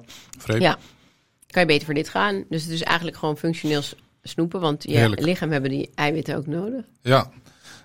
Onder de naam Killer Body. Mhm. Hoeveel van deze eh, varianten, smaken eh, heb je op dit moment? Drie. En dan Mhm. hebben we ook nog drie packs. Dus we verkopen ze los bij Jumbo en Albert Heijn, in Hoogvliet en Spar. En liggen ze dan bij van die eh meeneemkassa? Bij de Ook. meepak... eh, En ook bij tussendoorschap. Oh, oké. Daar liggen ze ook los. Ja, en in, bij, in Albert Heijn liggen ze los in tussendoorschap. En bij Jumbo liggen ze in een drie-pack in tussendoorschap. Oké. Ja. En dan lig je natuurlijk ook nog bij eh, tankstations, volgens mij. Tankstations Oh, nog niet. niet. Nee. dus je, hebt- je ligt nu bij de Jumbo en de Albert Heijn. En Hoogvliet En de Hoogvliet. en Spar. Kijk, dat zijn in totaal denk ik wel tussen de 3000 Ja. verkooppunten. En de Kruidvat doen we twee acties per jaar mee met Ja. 1100 winkels. Wauw, Ja. maar dat is, bij Kruidvat ben je meer eh, gericht op eh, MKBM, toch? Met de Ja, kleding. maar dan zitten de repen er wel bij. Oh, oké, dus die deal pak je ook mee. Zo, dat ja, dus we doen, daar, doen er best wel veel eh, hoge aantallen in repen. Toevallig komen ze nu weer, week 42. Ik weet niet wanneer dit wordt uitgezonden, maar over een paar weken liggen we weer bij Kruidvat. En dan, hun doen gewoon een actie, dus niet vast in schap. Twee keer per jaar. Ah, we zorgen dat we tegen die, eh, voordat die actie begint in week 42, zorgen dat de aflevering online staat. Want dan kunnen mensen gebruik maken van die actie. Ehm, en als we het hebben over het begin van Killer Body. Want op een gegeven moment Sychroom, dan ga je rebranden. Maar was dat dan diezelfde supplementenleverancier waar je toen... Nee. Of is dit echt die he- hele andere Ja, game? dit is een fabriek. Je hebt drie fabrieken in de wereld die goed zijn in het maken van repen. En dit Mhm. is voor hoge kwaliteit eh, reep. Ja, je hebt geen vergelijksmateriaal, maar meestal als je een, eh een proteïnereep proeft, dan zijn ze heel erg droog. En Mhm. komt is dat? lo- Ja, door de proteïne. Dus het is best wel moeilijk om ze zeg maar smeuig te maken. En, en, Ja. en deze fabriek, die kan dan zeg maar bijvoorbeeld deze vorm maken. Je ziet dat die niet plat is. De meeste proteïnerepen zijn zo plat. Ja, En dan heb je ook verschillende laagjes. Dus je hebt dan een three-layer bar. En dat is een technologie in deze vorm die alleen deze fabriek kan. Maar dan kom je niet zo makkelijk binnen. eh. Want ja, je moet dan hele hoge aantallen doen. ja. 80.000 repen per batch. En toen jij, toen jij begon, deed jij die hele hoge aantallen? Of, dat eh. Ja, dat moet. Want anders dus- kom je daar dus niet binnen. dus je hebt meteen een grote investering moeten doen? Ja, ja, ik heb meteen een grote investering moeten doen. Nou, ik had eerlijk gezegd eh, eerst gewoon samples. En met die samples ben ik naar Jumbo gegaan. En, Oh ja, en toen vond Ju- Jumbo het leuk. En die wilde, wilden het doen. En toen moest ik opeens zo'n fabriek gaan optouwen. Ja. Of eh, zo'n bedrijf gaan optouwen. Ik had natuurlijk nog nooit aan een supermarkt geleverd. Ja, En eh, dan kom je er dus achter, achter die aantallen. En dat je er dus geld nodig hebt. ja. Heel veel geld. Ja, dat, dat is iets waar we het inderdaad zo meteen even over gaan hebben. Even terug naar de Jumbo, hè? want het klinkt allemaal heel makkelijk. Je, je, je ligt bij het Jumbo, je, hebt even, je, je gaat met wat samples die kant op. Maar hoe gaat het? Met wie ben- kom je in gesprek en ik hoe ga gaat het gewoon via gesprek? LinkedIn doe ik alles. Dus ik Ja. zoek altijd via LinkedIn de juiste categoriemanager. Of Mhm. in dat geval, ik ben eerst volgens mij met Kruidvat en Jumbo in gesprek gegaan. Oké. En eh, dan zoek ik de juiste categoriemanager. En dan, eh, dan stuur ik ze repen op met een briefje erbij, persoonlijke kaartje. Mhm. En dan krijg je reactie of niet. Ja. En ik kreeg reactie van die man uit het kassenschap. Ik had de categoriemanager van de kassenschap eh, Ja. benaderd. En die wilde de repen wel doen. En zat hij een beetje op hetzelfde niveau eh, als jij qua eh, het geloof en de potentie in die markt? Ja, Hoe, eh, ik, kijk, dat boek heeft natuurlijk heel goed gedaan. Hè? Ik heb oh, ja, dat is natuurlijk al een stukje 450.000 bewijsmateriaal van dat het... boeken. eh, ja, dus als zij denken als al die mensen die reep gaan eten, ja, dan komt het wel goed. Ja. En dat heeft zich nu ook bewezen. Dat is ook echt gewoon wat er gebeurt. Slim. Heb je, heb je die 450.000 mensen die dan dat boek hebben gekocht ook echt, ook echt bewust ingezet als zijnde van... Hey, Nou, ik heb niet al die Dat data. zijn gewoon mijn klanten die jouw, Ik eh, heb kant niet op al die data, hè, want dat Ja. Bol en alle mensen die de boeken hebben verkocht. Ik heb alleen de data. maar je weet wel hoeveel het er zijn. Dus d- Ja, dat maar is ik, wel... kan ze niet, ik kan ze niet targeten. Ik kan, er niet, Nee, ik kan ze niet eh, achtervolgen, zeg maar, met mijn reep Nee. online. Maar het is wel een potentiële marktgroep die je kan benoemen Ja, van... ja. Hey Jumbo, het zijn er 450.000. ja, ja, dat zeker. En ik dat kan ze niet roepen inderdaad, maar er is wel interesse. Ja, er is interesse. Vermoed ik. Ja. En de doelgroep is ook niet per se de sporter, maar gewoon de normale vrouw, huisvrouw, moeders. eh, weet je, dat is meer de doelgroep. En Mhm. eh, ook nu mannen met die repen. Dus het is gewoon een hele grote doelgroep. Het is Ja. gewoon, ehm, kijk, sporters, dat is een niche. Hoe gek het ook klinkt. Ja, maar dat, Veel kleinere groep ook. ja, maar dit is gewoon voor iedereen. Killer Body is for everybody, is ook mijn slogan. Ja. En iedereen eh, maakt gebruik van een tussendoortje. En de tussendoortjes Ja. die mensen eten, meestal de liga's, de snickers, de weet ik het allemaal wat er in het suikerbomvak ligt. Nee. Ja, die zijn allemaal slecht. En hoe doe, hoe doe je het qua prijs in de winkel? Want als je het vergelijkt met een, eh, met een alternatief. Ja, dan zijn ze natuurlijk wel een stuk duurder. En nu helemaal met die grondstofprijzen die Ja. heel, heel erg stijgen. Mhm. En helemaal met melkproducten stijgen die heel erg. Dus ze zijn de afgelopen tijd zijn ze 14 cent gestegen. Dus dat is wel kut. Ah, nog maar ja, mee. dat is wat het is gewoon nu in de wereld. Mhm. Maar ze kosten dus ongeveer tussen de 1,96 en de 2,30. Ligt er een beetje aan in Mm, oké. winkel je Maar redelijk wegpakprijsje. Het is niet Ja. dat ze 4 euro Ja, maar mas, een mars kost een euro. Ja? Oké, maar goed, de mensen die hiermee bezig zijn, die dit ding kopen, die Ja, maar zijn uiteindelijk wil je wel ook de jongeren eh, bereiken. Helemaal. Kijk, als ik, als, ik zie het nu aan mijn zoon, die is nu 14. Die begint nu een beetje te kijken naar zijn lichaam trainen. Weet je wel, de goede Ja, ja. uitzien. Die wil die creatine Biceps, willen ze natuurlijk. Ja. Sixpackie. ja. Dus die gaan dan een beetje beginnen. En, maar die kijken echt naar geld. Dus die denken, hey, ik heb zoveel te besteden voor mijn lunch of dingen. Ja, die gaan niet een reef van 2 euro halen, snap je? Nou, want het energiedrankje moet ook nog eh, komen. Ja, dat moet ook nog gekocht worden. dus die halen gewoon, die halen maar wel weer zo'n zo'n zo'n Starbucks eh, koffie, weet je wel. Dat dan weer wel. Dat dan weer wel. Maar niet mama's repen. Maar ken, ken- je daar niet iets in? eh, die jongeren die eh, komen natuurlijk ook in de supermarkt. Dan is natuurlijk het, de uitdaging van, oké, hoe kun je met die, eh, weet ik veel, die category manager zorgen dat, ik veel, Ja, die jongeren hebben gewoon niet zoveel te besteden. Dus, maar het is wel belangrijk om natuurlijk in die doelgroep zichtbaarheid Ja. te creëren. Zodat ze, als ze wel wat meer te besteden hebben... of als ze ehm, de functie inzien van een proteïnereep tegenover een mars... omdat ze dan inderdaad beter eruit gaan zien... Ja. eh, dan gaan ze het wel doen. Op een gegeven moment worden ze ijdel. Gaan Dat is een goeie, hè? Dat je, want ik weet, eh, de meeste jongeren die hebben ook last van pukkels en zo. Mm. Maar die pukkels die komen vaak door suiker. eh, eh, Ja, door echt en- en- alle troep wat ze eten. troep. Maar ook wel door de puberteit. Ja, sowieso ook door de puberteit, want je hormonen gaan dan helemaal tekeer. Maar ook een gedeelte inderdaad gewoon te veel suiker of zuivel, wat je lichaam op dat moment gewoon niet goed kan verwerken. Dat komt er middels gif in de vorm van een pukkel uit. Maar dat is volgens mij iets waar je, waar je wel op kan Ja, focussen. maar je mag niet zomaar claimen dat het te- tegen pukkels is. Ja, oké. ja, ja, er zijn ja. wel hele strikte regels voor claims. Ja, ja, ja, ja. Ja. de voedselwarenautoriteit houdt je wel in de gaten. Maar dat, dat moet je ook niet doen, want dat Ja, kun je ook niet ik. hard maken, snap je? Ja, ik probeer wat gewoon je je mee te Ja, wat je hard kan maken is dat proteïne gewoon verzadigd gevoel geven. Dus eh, ja, je hebt minder en er zit geen suiker in. Dus je krijgt niet die suikerpiek en dan die Ja. daler weer. Ja. Dus het is voor je concentratie goed en eh, voor je, ja, Ah, dat is wel iets leuks waar je natuurlijk, eh, weet ik veel, in samenwerking met een, ik zeg maar wat, een Don de Jong of die mensen die heel veel ja bereik hebben op Insta, noem het maar op. Daar zou je wel kunnen zeggen van ja, als tussendoortje tijdens het gamen of op school, dan heb je veel minder last inderdaad van, van die hoge piek en, die, en dat dalen. Dus, maar goed, daar ben jij ondernemend genoeg voor om dat zelf te bedenken. Maar ik vind altijd wel leuk om gewoon een beetje te sparren daarover. Nou, ik kijk vooral kijk, eh, naar, nu naar betaalbare influencer marketing. Want die jongens waar je die Ja, ja, dat zijn wel echt, onbetaalbare eh, influencer marketing. ja. Niet, niet eh, onmogelijk hoor, maar voor nu. Weet je, ik ben net begonnen, twee jaar. Ja. Ik moet gewoon keuzes maken daarin. Dus we doen nu veel met sponsoring ook van sporters. Ja, leuk. Op de tenues. Ja, En dat je zichtbaarheid. zichtbaarheid creëert. En ehm, we doen dan in- micro-influencer marketing veel. Radiospotjes wel ook veel. En gewoon Google Ads natuurlijk. Facebook Ads, dat soort dingen. Maar je moet wel... Het is ook... Ja, je moet dat een keer testen met zo'n grote influencer. Maar die vragen ook de bingo. Ja, En dat kan je wel doen.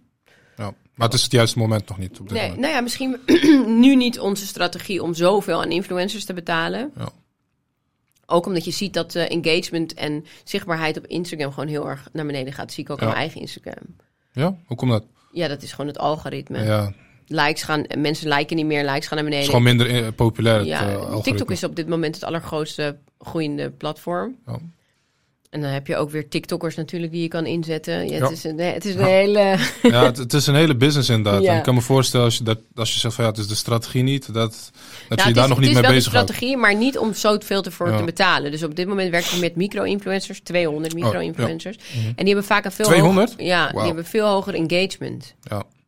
Eh, want die hebben vrienden in hun, eh, in hun dingen zitten waar ze nog echt in contact mee staan. Ja. En die geven Het is vaak ook een antwoord. niche groep, hè? Ja, Dus echt heel gericht ergens op Ja. ja.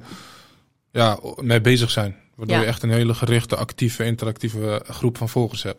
Ik denk dat het zelfs nog beter is dan... eh, die grote Enzo die, Knol of, waarvan, eh, ja, nou, waarvan je denkt als, als, als, als kijker...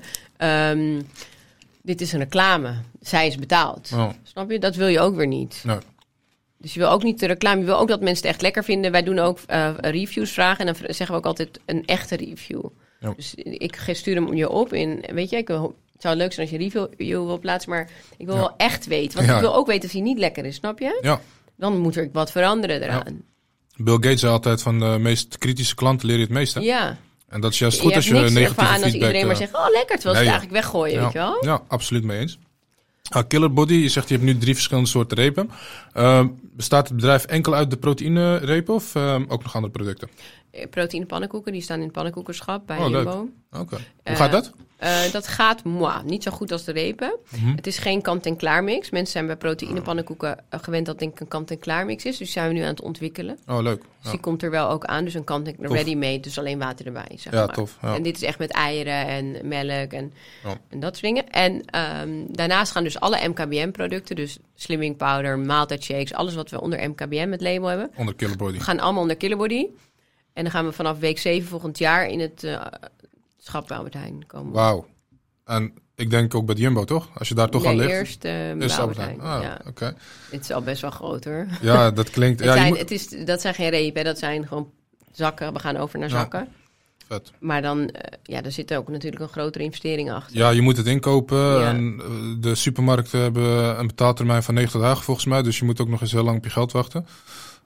Alhoewel, misschien heb jij gezegd van eh 14 dagen gaan ze het ook niet. Dat kan natuurlijk. Maar over het algemeen hebben ze wel, eh, hebben ze wel een... Nou ja, eh, je ja. moet dat wel uitonderhandelen natuurlijk. Ja, precies. Ja, vind ik ook. Dus er is altijd een mogelijkheid. En het voordeel van jou is dat je zelf best wel veel. Ja, je bent natuurlijk. eh, Je hebt een bepaald bereik, dus je kan een soort van omzet of afzet eh, garanderen. Dan is je onderhandelingspositie voor wat betreft zo'n betaaltermijn is gewoon eh, eh, gunstiger. Terwijl ten, ten opzichte van ik die daar ga zitten met mijn product, bewijs van. Dus dat speelt denk ik ook mee. En het is natuurlijk ook gewoon hoe je dat Je gesprek denkt ingaat. wel nu in een beperking. Ja, ja, klopt. Dat moet ik niet doen, hè?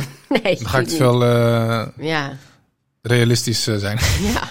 Dat is die collega van jou. Nee, nee, je hebt gelijk. Je hebt gelijk. Je kan altijd eh, onderhandelen. Ja. Altijd. Je altijd. kan altijd onderhandelen. Ja. En als je product goed is, kijk, je moet gewoon vertrouwen hebben in je product. En dat je product goed is. Dan komt het wel goed. Ja, dan komt het gewoon goed. Want ik ben nu toevallig een influencer die een product lanceert. Maar de rest van de supermarkt is dat niet. En die liggen er ook. Ja.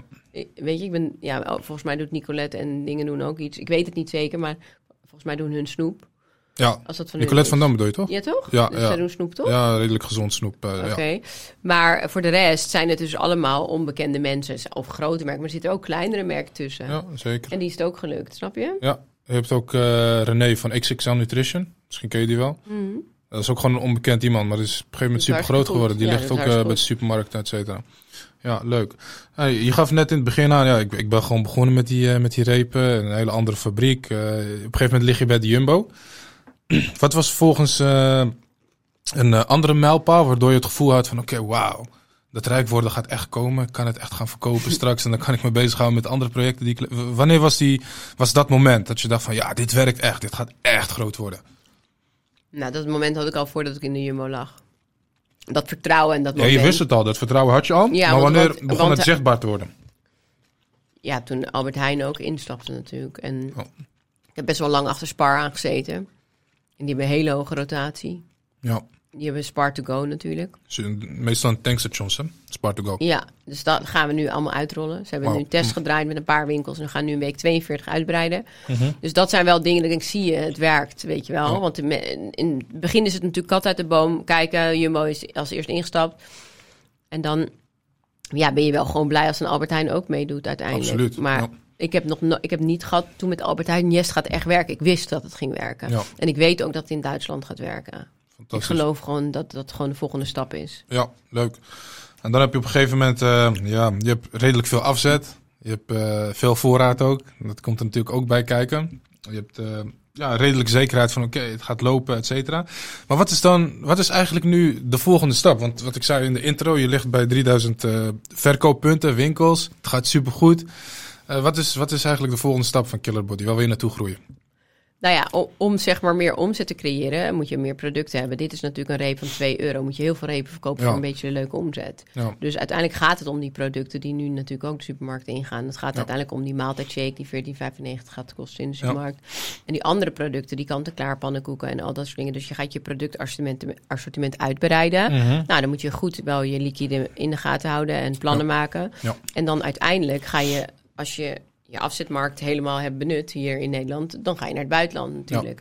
Dus eigenlijk is het, is het zo van, we gaan nu eerst met twee producten naar de supermarkt en dat worden er uiteindelijk vijf. Mhm. Dus we gaan het in etappes doen. Dus twee andere grotere producten. Ja. Meer eh, omzet, die Ja. meer omzet genereren. ja, meer kassenaanslag en eh, Nou ja, en ook gewoon grotere aankoopbedragen. ja, En dan gaan we tegelijk, dus parallel, gaan we met de repen naar Duitsland. wauw. En als dat loopt, dan kunnen we ook natuurlijk de rest van de eh, supplementen naar Duitsland. Ja. En dat is iets wat op de planning staat voor de Volgend jaar. volgend jaar al. Kijk, Ja. dat is, eh, worden Dus we, spannende we tijden. starten in de eerste we- eh, in week 7 bij Albert Heijn met die andere producten. Mhm. En we zijn nu bezig en in gesprek met distributeurs voor Duitsland. Wauw, wat een vooruitzichtje. Ja. Het wordt een fantastisch 2023 voor jou. Ben ik, het is eh, altijd fantastisch. Ik, het is de weg erheen die fantastisch is. Niet het eindresultaat. Dan sta je daar en heb je het. En dan heb, maar dan heb je het verkocht. En dan wat ga je dan doen. Ja? Dus- het is nu, dit is juist leuk. Gewoon gesprekken met jou. Of eh, eh, het, het, volgende week gaan we dan proeven nieuwe repen. We gaan helemaal vegan. Ik wil helemaal vegan worden. oh, vet. Ja. Dus ik heb nu een fabriek gevonden die echt fantastische repen maakt vegan. Vegan Daar gaan we dan maandag Ja. heen, weet je wel. En dat zijn de leuke dingen. Gewoon het ontwikkelen. gewoon hetgeen maken wat je gelooft dat werkt. Ja, en niet het uiteindelijke Ja. doel. Ja, dat is leuk. Maar dan Ja. is het klaar.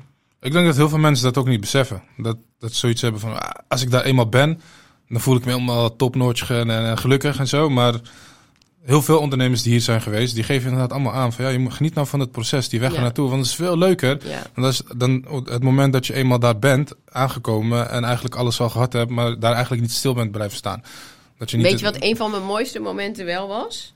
Die Nou? ik wel terug kan halen van ik denk, wauw.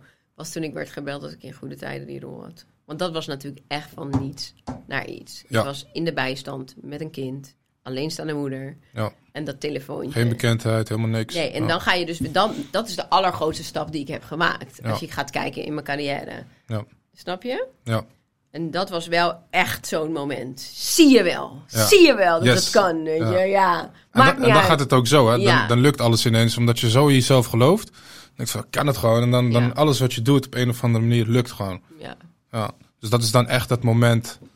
Maar ben je, eh, heb je daar toen ook bij stilgestaan? Want we hadden het net over van het stilstaan bij ja, maar wel te weinig bij het in goede tijden spelen. En ik werd heel populair. En ik stond op een gegeven moment op elke kermis. En in elke club eh, plaatjes te draaien. En niet als Ja. DJ, maar met handtekeningen, weet ik het allemaal. En Ja, Ehm, ja, dat, heb ik wel, dat is wel heel snel, zeg maar, zo aan me voorbij gegaan. En toen, toen ging ik alweer in zo'n overleving van het volgende, het volgende, het volgende. Ik le- leer nu veel meer genieten. Ja, ik ben nu 41. ja. In, het, eh, in het moment, zeg ja, maar. in dat, had ik toen nog niet. Ja. Nee, je bent dan toch gehaast weer met het volgende bezig. Ja, snap ik. Hoe, eh, wat, hoe zou je dat meer kunnen doen? Zeg maar, meer genieten van het proces, terwijl je tegelijkertijd een beetje aan het... Ja, niet voor iedereen, dat geldt niet voor iedereen, maar heel veel mensen die net begonnen zijn, die zijn een beetje aan het struggelen. Hè, voor de omzet, de winst, de klanten binnenhalen, het product goed neerzetten. Hoe, wat, welk advies zou je die mensen willen geven? Van, eh, Ja, om, gewoon om pas daarvan op de plaats maken, ademhalen. Veel mensen vergeten echt adem te halen. Zitten heel hoog ook met hun ademhaling. Zo, weet je wel. Maar gewoon ook gewoon even pas op de plaats zitten, nadenken van... Wauw, hier ben ik. Ben, ik ben, kijk, waar was ik een half jaar geleden en waar ben ik nu? Oh, ik Ja. heb echt al stappen gemaakt. Ja, kijk, op school denkt mijn zoon ook steeds dat hij niks leert. Dat komt omdat de stof iedere keer moeilijker wordt. Ja. Het wordt niet opeens makkelijk. Ja. Het is niet opeens, ik weet alles. Nee, want dan krijg je weer nieuwe informatie. En dan moet je weer leren. Ja. Snap je? Dus je leert wel, maar je hebt het niet door. Nee. Want je weet veel meer hier dan dat je daar wist. En dat is hetzelfde met ondernemen. Er is altijd weer iets nieuws. Snap je? Maar als je gaat kijken, waar was ik een half jaar geleden? Dan heb je hele grote stappen gemaakt. En soms kan je gewoon daar heel even bij stilstaan. Oh ja, toen waren we hier. Of toen had ik die omzet. Ja. Kijk waar we nu zijn. Ja. Het is altijd tekort. Je wil altijd meer. Ja, Altijd meer omzet. En dan heb je dat doel weer. En dan ben je dus niet tevreden met wat je nu hebt. ja, Weet je, dus ik denk dat je moet dankbaar mag zijn met wat je nu al hebt. Maar je hoeft niet tevreden te zijn. ja, Want je moet nog wel, wil nog wel meer. Maar wel meer vanuit die dankbaarheid van ik doe het al hartstikke goed. ja, En genieten gewoon. ja. En je geeft ook aan, ehm, veel mensen zitten hoog in hun ademhaling. Maar hoe, hoe zorg je dat je ademhaling wel goed is? En dat je wel gewoon relaxed een paar keer per dag aan je ademhaling denken. En dan echt uit, ademen vanuit je buik? Ja. Of hoe, wat adviseer je dan te doen? doen. En dan gewoon echt op je buik voelen? Zet hem maar uit. En echt dat die ademhaling hier komt. Oké. Ja, nou, En als je dat bijvoorbeeld in je huis hangt, heb ik het om het aan te leren gedaan. Dus briefjes ademhalen, gewoon ophangen. Als je reminders? Ja. Als je ziet, oh ja. Dan zie, als je dat dan doet, dan, zie, dan merk je al dat je schouders gaan zakken. Want Ja. je ziet al, het loopt al zo. Weet Ja, je, ja, ja. Zo. Ja. zo. En mijn zoon heeft dat heel erg. Die is heel erg gevoelig. Zegt, mam, relax. Relax. Hij voelt het allemaal wel goed aan, hè? Die, eh, Relax, doet die hij zoon zo. van ja. Leuk. Kom, geef me knuffel. Goed dat hij dat dan heeft. Ja, maar die eh, ziet mijn zoon en denkt, oh ja, ik moet relaxen. Leuk. Je moet gewoon genieten van je leven. Ja. Dan voel je ook, want als je de meeste mensen die ademen op automatische piloot, hè?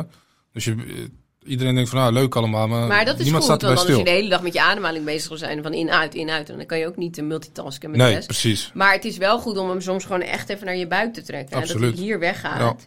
Die druk hier weggaat. En dat je denkt, oké, en ik ben, ik- waar ik ben is al heel goed. Ik doe het al hartstikke goed. Je bent altijd al goed genoeg, snap je? Ja, ja, absoluut. Dat is gewoon heel belangrijk. Ja. Want kijk, anders... Ik ben nu 41. Ik was 21 toen ik in goede tijden kwam. Dat is Ja. 20 jaar geleden. Mhm.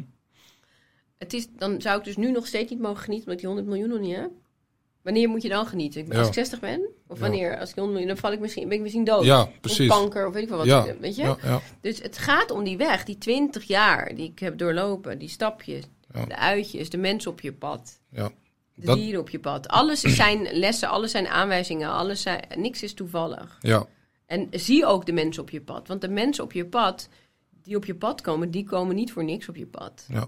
En daar heb je wat te leren. En dat is wel wat ik zie ook met ondernemen. Ik vraag altijd aan iedereen: wat doe je? Wanneer ben je begonnen? Ja. En dan komt er altijd wat uit. Ik denk: oh, maar kunnen we dan niet. eh, oh Ja, ja, precies. dat. Oh, dus dat doe je nooit Oh, te goed om eh, te leren van iemand. Nee, en dan, Ja. je leert altijd. En Absoluut. va- vaak zijn er ook raakvlakken of kun je wat voor elkaar betekenen Ja. als je vragen stelt. Ja, precies. Open vragen. En dan eh, krijg je altijd open antwoorden en dan kan daar altijd iets moois uitkomen. Ja, ik vind het heel wijs eh, wat je allemaal zegt. Dus ik hoop, eh, ik leer er heel veel van. Ik hoop dat de luisteraars eh, ook geïnspireerd raken. Ik weet wel zeker dat ze geïnspireerd raken. Uh, Killer Body, we hebben het gehad over hoe het begon, uh, waar je naartoe wil. Uh, en als we het hebben over jou persoonlijk, Faya, wat is jouw ultieme droom? Waar wil jij over vijf jaar staan? Ik ben op dit moment op mijn allergelukkigst. Dus qua geluk, zeg maar, ben ik nu echt waar ik moet zijn. Dus dat Ja. ik kom, zeg maar, mezelf goed genoeg vind. Niet meer helemaal in het zweet hoef te fitnessen om er nog beter uit te zien. Of nog meer geld. Tuurlijk, ik heb een doel en dat is gewoon ook om te laten zien dat het kan. Ik wil ook daar mensen mee inspireren. Ja. En ik denk ook dat het heel belangrijk is als je een zaak begint, dat je een zakelijk doel hebt. Om de, gewoon de focus te houden. Mm -hmm. En dat doel ga ik gewoon behalen. Maar ik ben wel al eigenlijk waar ik wil zijn. Qua ja. persoonlijkheid. En ik ben gewoon mezelf nu. Ja. Kijk, we, we, nemen heel veel dingen mee van onze ouders, van onze opvoeding, van de mensen om ons heen. En heel veel dingen horen helemaal niet bij je. Nee. Maar die heb je wel overgenomen. Maar die, dan blijkt ja. eigenlijk, oh, dat heb ik van mijn vader, maar dat is eigenlijk niet van mij. Of uh, dat kan ik loslaten. En ik voel gewoon heel erg dat ik nu ben wie ik echt daadwerkelijk ben. Ja. En dat ik me niet anders hoef voor te doen voor niemand niet. Ja. En um, ja, ik hoop dat ik ooit nog eens een keer uh, misschien de liefde echt mag voelen. Mm -hmm. Echte liefde, zonder dat je wordt bedrogen of uh, gebruikt of misbruikt of whatever. Ja. En, um, maar ik vind dat niet een... Uh, dat is geen must. Nee, want ik ben heel gelukkig met mezelf en mijn kinderen Ja. en ik word oma. Oh ja, gefeliciteerd. ja, Dus ja, het is gewoon heel veel rijkdom heb ik gewoon in mijn privéleven, zeg maar. En met mijn team en, en alles. En mijn paarden en mijn kippen en de hele reutemeteut, zeg maar. Om me heen ben ik gewoon de gelukkigste vrouw van de, van de wereld, ongeveer.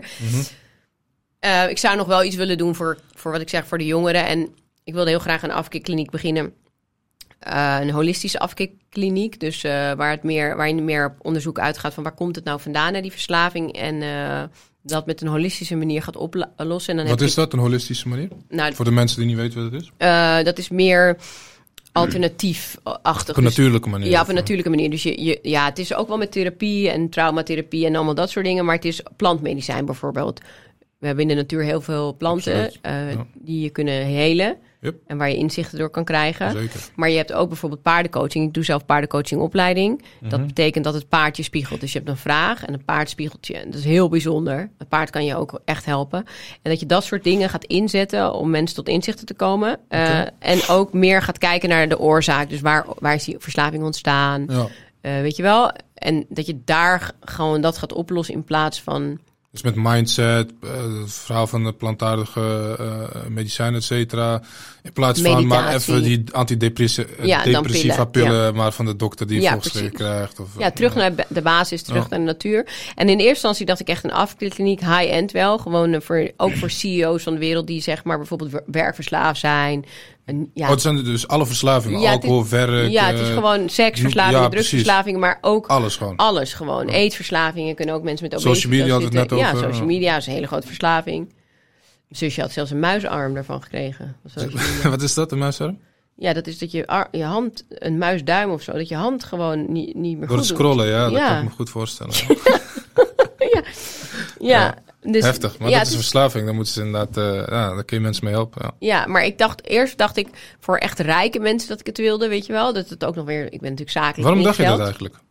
Omdat ik er geld mee wilde verdienen. Oh, maar je ook. wil, je wil echt, je wilde het eigenlijk een soort van exclusief programma Ja. laten zijn. Ja. Met topnotch eh, therapeuten waarschijnlijk. En, zo. Ja, en dat, dat. moet En dan, oh, je, zeg maar bijvoorbeeld, je hebt dan een acupu- pu- acupuncturist uit eh, eh, Japan of China, die dan eh, overkomt, die heel beroemd Oh, is. ja. Dus de beste van de beste. En dan heel. wat. Ja, dat het ook wat kost. Maar nu inmiddels ga ik veel meer naar het gevoel dat ik denk, misschien moet het voor jongeren zijn. Weet je wel, om jongeren in hun kracht te zetten. Ja, want die hebben nog een heel leven voor zich. Ja. In plaats van dat je iemand pakt van Ja, 60 precies. Of 50 inderdaad. Die een Ja. groot gedeelte... eh, Dus ik ben daar nog mee bezig. Maar dat is ook iets voor in de kinderschoenen, want, eh, voor later. Want ik moet natuurlijk eerst gewoon focussen op dit je bedrijf. hebt nog genoeg te doen. Ja. En eh, dat moet verkocht worden ook als ik geld wil hebben voor dat Om dat project te financieren. Ja. Ja, Ja. ja. Wauw, wat een mooie droom. Tegelijkertijd heb je nog heel veel te doen. Je kan... Ja, maar ik, ik, geniet en- dus heel erg van mijn leven nu. Kijk, vroeger de- dacht ik ook, oh, je moet zoveel uren maken, weet je wel. Ja. Maar dat is ook onzin. Nee joh, maar dat en is na één uur ben ik helemaal niet meer project- productief. Vooral als je product verkoopt. Ja. Dan moet je slim werken, niet hard. Nee, maar ik heb natuurlijk wel tien man. En dan moet, dan moet Ja. wel gewoon aangestuurd worden. Ja, zeker. Ben jij, ben, ben jij met je manager? Of, eh? Ik heb een manager, die is er bij mij Ja, oké. als stagiaire. Die is wat Ja. zachter als ik. Ja, Ja. ja, dus je hebt het meer van het ondernemen. Maar ik ben, ik zelf ik ben zou heel het, direct. zou Ik- het helemaal niet leuk vinden hoor. Ik, als ik echt tien man in dienst heb en dan die mensen echt aansturen. Dat is echt niet mijn nou, ding. dat doet hij in principe nu. En eh, ik, eh, ik motiveer wel. Ja, En ik, ik, ben ook wel elke ochtend bij de ochtendmeeting. ja, maar ik dat moet stuur ook wel aan en ik eh, zet wel targets, zeg maar, dat soort dingen. Maar dat micromanager, daar, daar ook helemaal... Helemaal jij bent van de helikopterview. Je Ja. zorgt dat je in controle bent. Voor de rest laat je, laat je hun het regelen. Ja. maar dat, ja, dat is top. Ja, Beter dan bij elke medewerker eh, om het kwartier aan, de, aan het bureau staan. oh, En diegene lastigvallen. Ja, ja. ja. Leuk. En eh, we, we sluiten deze podcast altijd af met, eh, ja, met, met, met, met een vraag. En die vraag die is, die is eigenlijk opgericht om mensen die luisteren naar deze podcast te inspireren. Dus mensen die bijvoorbeeld aan het werk zijn en graag willen gaan ondernemen. Of misschien wel heel jong dat pad op willen. Of misschien wel iets anders willen, in het willen doen in het leven. Eh, welk advies zou je willen geven aan, aan, aan die mensen die nu luisteren en iets anders willen? Ja, ik denk dat het heel belangrijk is dat je doet wat je hart wilt dat je doet. Ik denk dat er veel te veel mensen vastzitten in eh, een routine. Mhm. Of in iets wat eigenlijk niet van hun is, maar waarvan ze dachten dat moet ik doen omdat mijn ouders dan tevreden zijn. Of Ja. mijn partner tevreden is. En dat ze eigenlijk niet zo goed luisteren naar hun intuïtie en wat ze zelf heel graag zouden willen doen. Hoe kun je dat doen? Beter luisteren naar je intuïtie? Eigenlijk weet je intuïtie altijd wel wat je wil. En dat is wa- wat je eerste ingeving die Ja. je krijgt. Dat je het onderbuikgevoel, Ja, zeg maar. nou, gewoon het eerste. Ja, wat in je opkomt. Ja. Het eerste wat in je opkomt. Dus stel je voor iemand zegt, eh, ga je vanavond mee eten? En het eerste wat in je opkomt is nee, dan moet je het eigenlijk gewoon niet Nee, doen. dan, en dan ga je denken, ja, ja, maar die vriend, ik heb hem al heel lang niet gezien. Nee, je, je, je intuïtie zei nee, zeg maar. Het is voor jou niet het moment of Ja. iets, snap je? Duidelijk. Dus daar moet je naar luisteren. En ik heb ook een boek gelezen, Het Slimme Onbewuste. Dat gaat over je onbewuste. En eigenlijk heeft de wetenschap daarin ook eh, eh, bewezen dat mensen die reageren vanuit hun intuïtie meteen het al meeste gelijk hadden Ja. uit onderzoek. Mhm. Dus dat is gewoon belangrijk, denk ik. En ik denk dat het heel belangrijk is ook voor je gezondheid. Want als jij naar je werk gaat, Mhm. of naar je, je baas of je eigen onderneming, of naar je man die je niet leuk vindt iedere dag, voor weet ik veel wat voor reden ook, eh, terwijl je daar niet thuis hoort, dan maak je jezelf ziek. Ja. En stress is nog steeds doodsoorzaak nummer één. Dus dan maak je lichaam stresshormonen aan en cortisollevels. En dan ga je uiteindelijk gewoon ziek van worden. Dus ik denk dat het allerbelangrijkste is dat je eerst eens even gaat voelen: wat wil ik nou echt? Ja. Wat wil ik? Wie ben ik? Waar sta ik voor? En dan doen. Gewoon gaan doen. Maar zorg dat je gelukkiger bent. En doet wat je leuk vindt. We leven veel te veel in een leugen. En dat, de leugen is niet naar de- je partner hè, of naar je baas, maar naar jezelf. Ja. Ik denk dat dat gewoon heel belangrijk is. Hoe eerlijk ben ik met mezelf? En heb je wel eens een conversatie gehad met jezelf?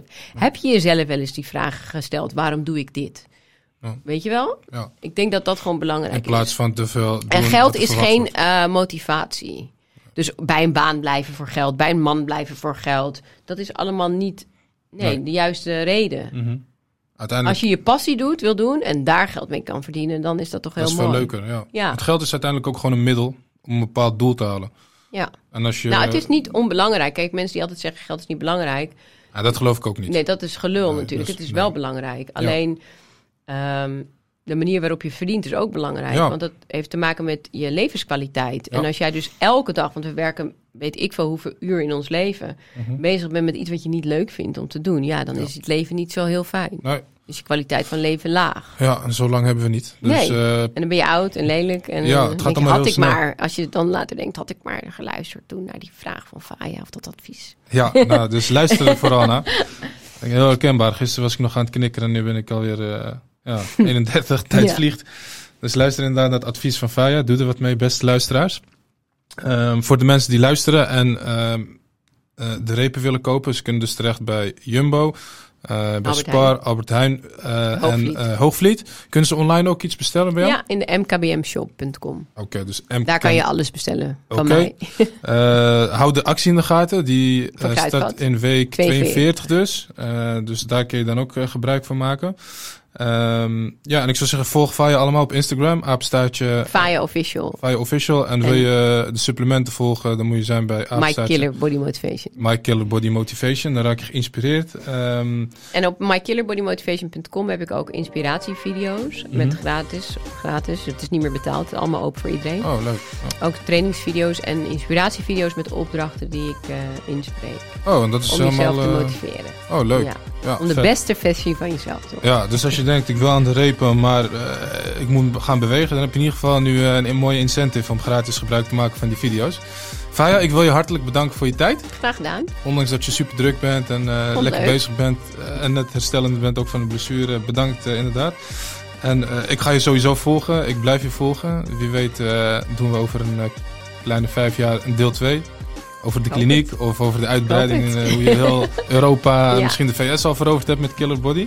Zou leuk zijn. Voor nu in ieder geval nogmaals bedankt. En eh, ik zou zeggen, beste luisteraars, tot de volgende.